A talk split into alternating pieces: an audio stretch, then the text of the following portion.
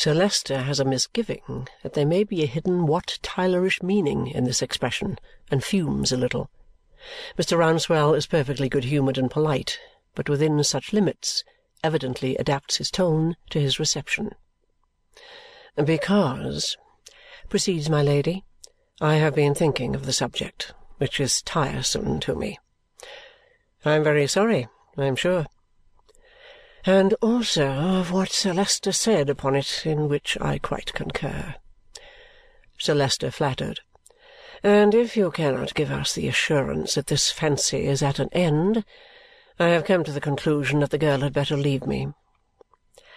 I can give no such assurance, Lady Dedlock. Nothing of the kind. Then she had better go. Excuse me, my lady, Sir Leicester considerately interposes. But perhaps this may be doing an injury to the young woman which she has not merited. Here is a young woman, says Sir Leicester, magnificently laying out the matter with his right hand like a service of plate whose good fortune it is to attract to the notice and favour of an eminent lady and to live under the protection of that eminent lady, surrounded by the various advantages which such a position confers, and which are unquestionably very great.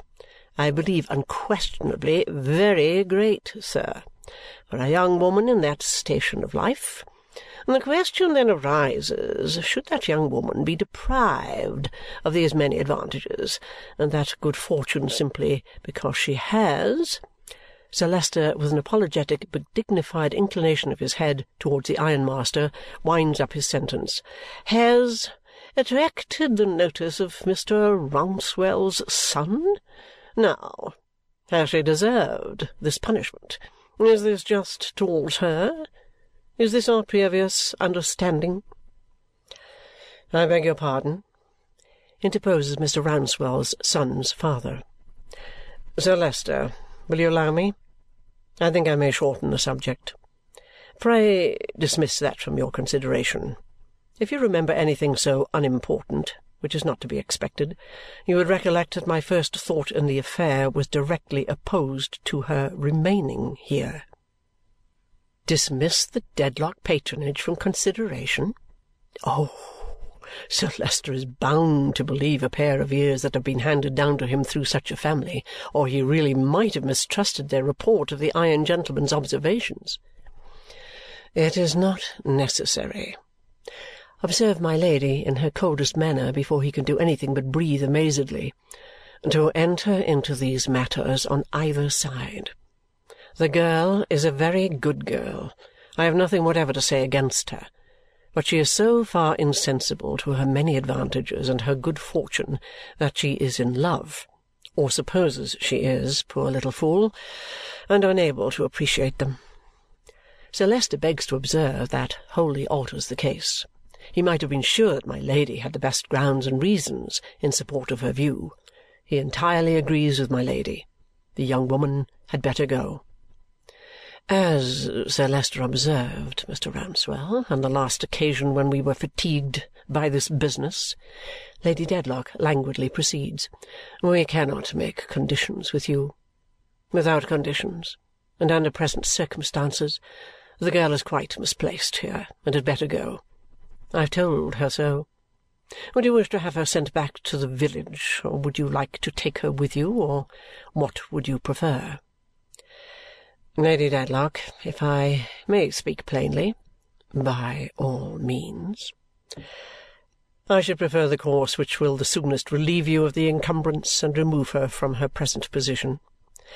And to speak as plainly, she returns with the same studied carelessness, so should I. Do I understand that you will take her with you? The iron gentleman makes an iron bow. Sir Leicester, will you ring? Mr. Tulkinghorn steps forward from his window and pulls the bell. I had forgotten you. Thank you. He makes his usual bow and goes quietly back again. Mercury, swift responsive, appears, receives instructions whom to produce, skims away, produces the aforesaid, and departs. Rosa has been crying and is yet in distress. On her coming in, the ironmaster leaves his chair, takes her arm in his, and remains with her near the door, ready to depart. "You are taken charge of, you see," says my Lady in her weary manner, "and are going away, well protected. I have mentioned that you are a very good girl, and you have nothing to cry for." "She seems, after all," observes Mr. Tulkinghorn, loitering a little forward with his hands behind him, "as if she were crying at going away."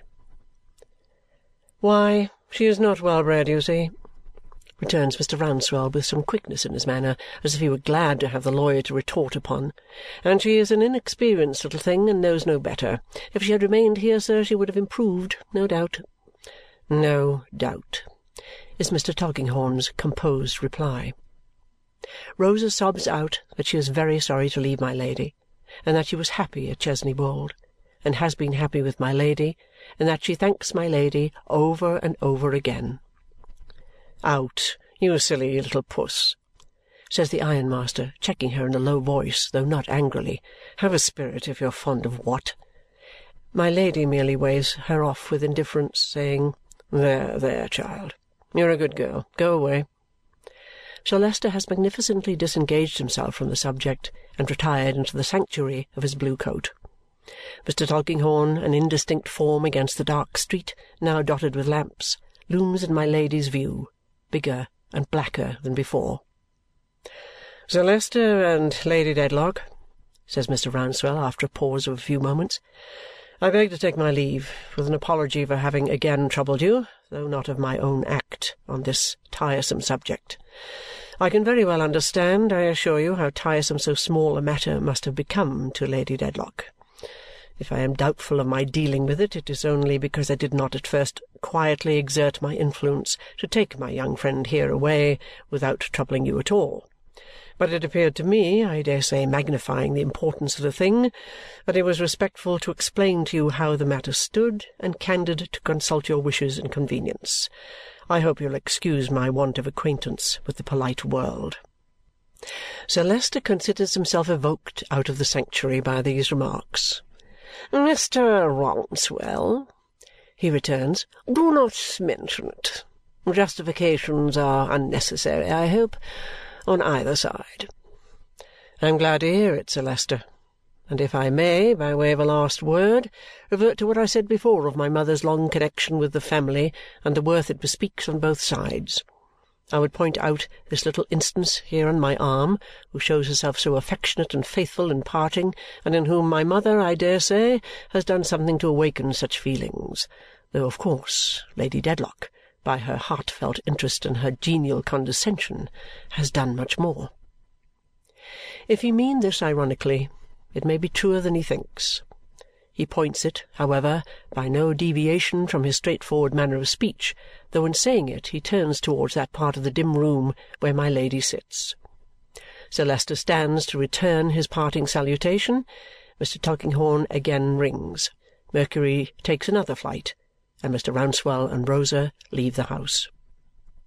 Then lights are brought in, discovering Mr. Tulkinghorn still standing in his window, with his hands behind him and my Lady still sitting with his figure before her, closing up her view of the night as well as of the day. She is very pale, Mr. Tulkinghorn, observing it as she arises to retire, thinks, well she may be. The power of this woman is astonishing. She has been acting a part the whole time.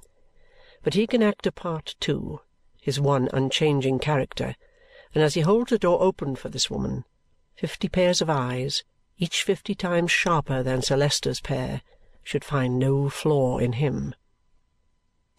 Lady Dedlock dines alone in her own room to-day.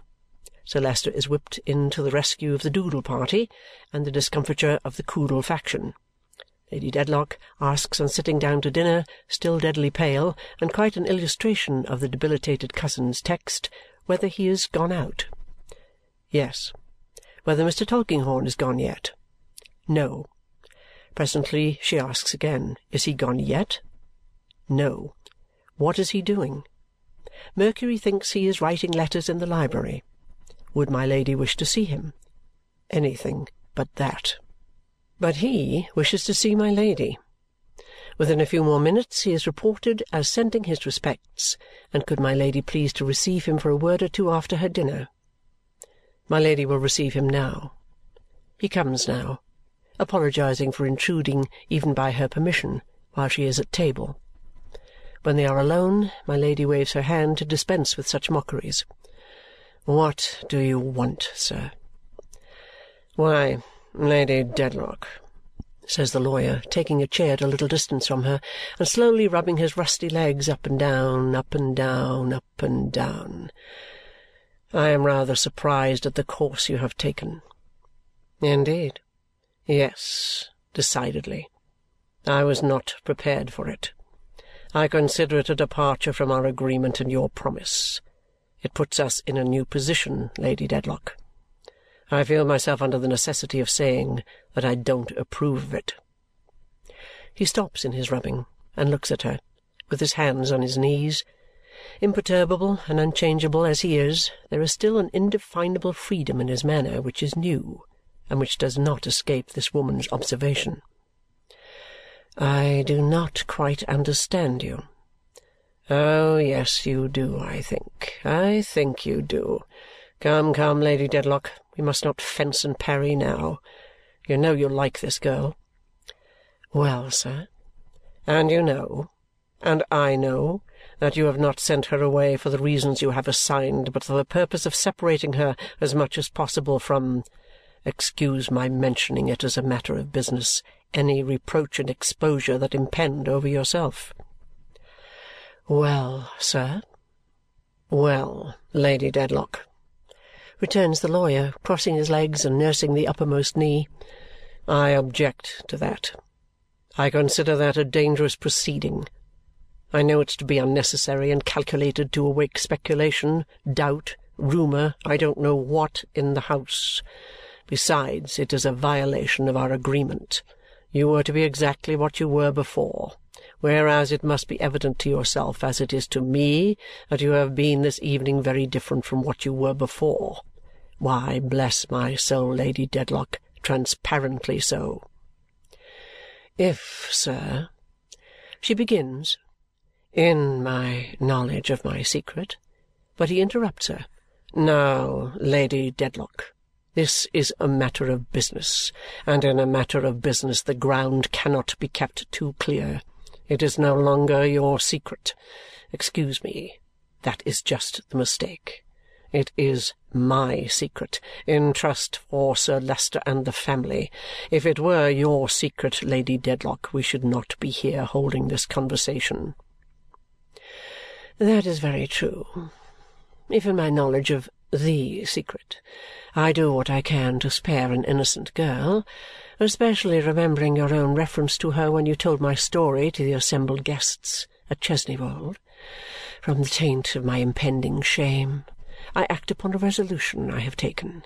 Nothing in the world and no one in the world could shake it or could move me." This she says with great deliberation and distinctness and with no more outward passion than himself. As for him, he methodically discusses his matter of business as if she were any insensible instrument used in business. "Really, then you see, Lady Dedlock," he returns, "you are not to be trusted. You have put the case in a perfectly plain way and according to the literal fact, and that being the case, you are not to be trusted. Perhaps you may remember that I expressed some anxiety on this same point when we spoke at night at Chesney Wold?" "Yes," says Mr. Tulkinghorn, coolly getting up and standing on the hearth. "Yes, I recollect, Lady Dedlock that you certainly referred to the girl, but that was before we came to our arrangement, and both the letter and the spirit of our arrangement altogether precluded any action on your part founded upon my discovery. There can be no doubt about that. As to sparing the girl, of what importance or value is she? Spare? Lady Dedlock, here is a family name compromised. One might have supposed that the course was straight on, over everything, neither to the right nor to the left, regardless of all considerations in the way, sparing nothing, treading everything under foot.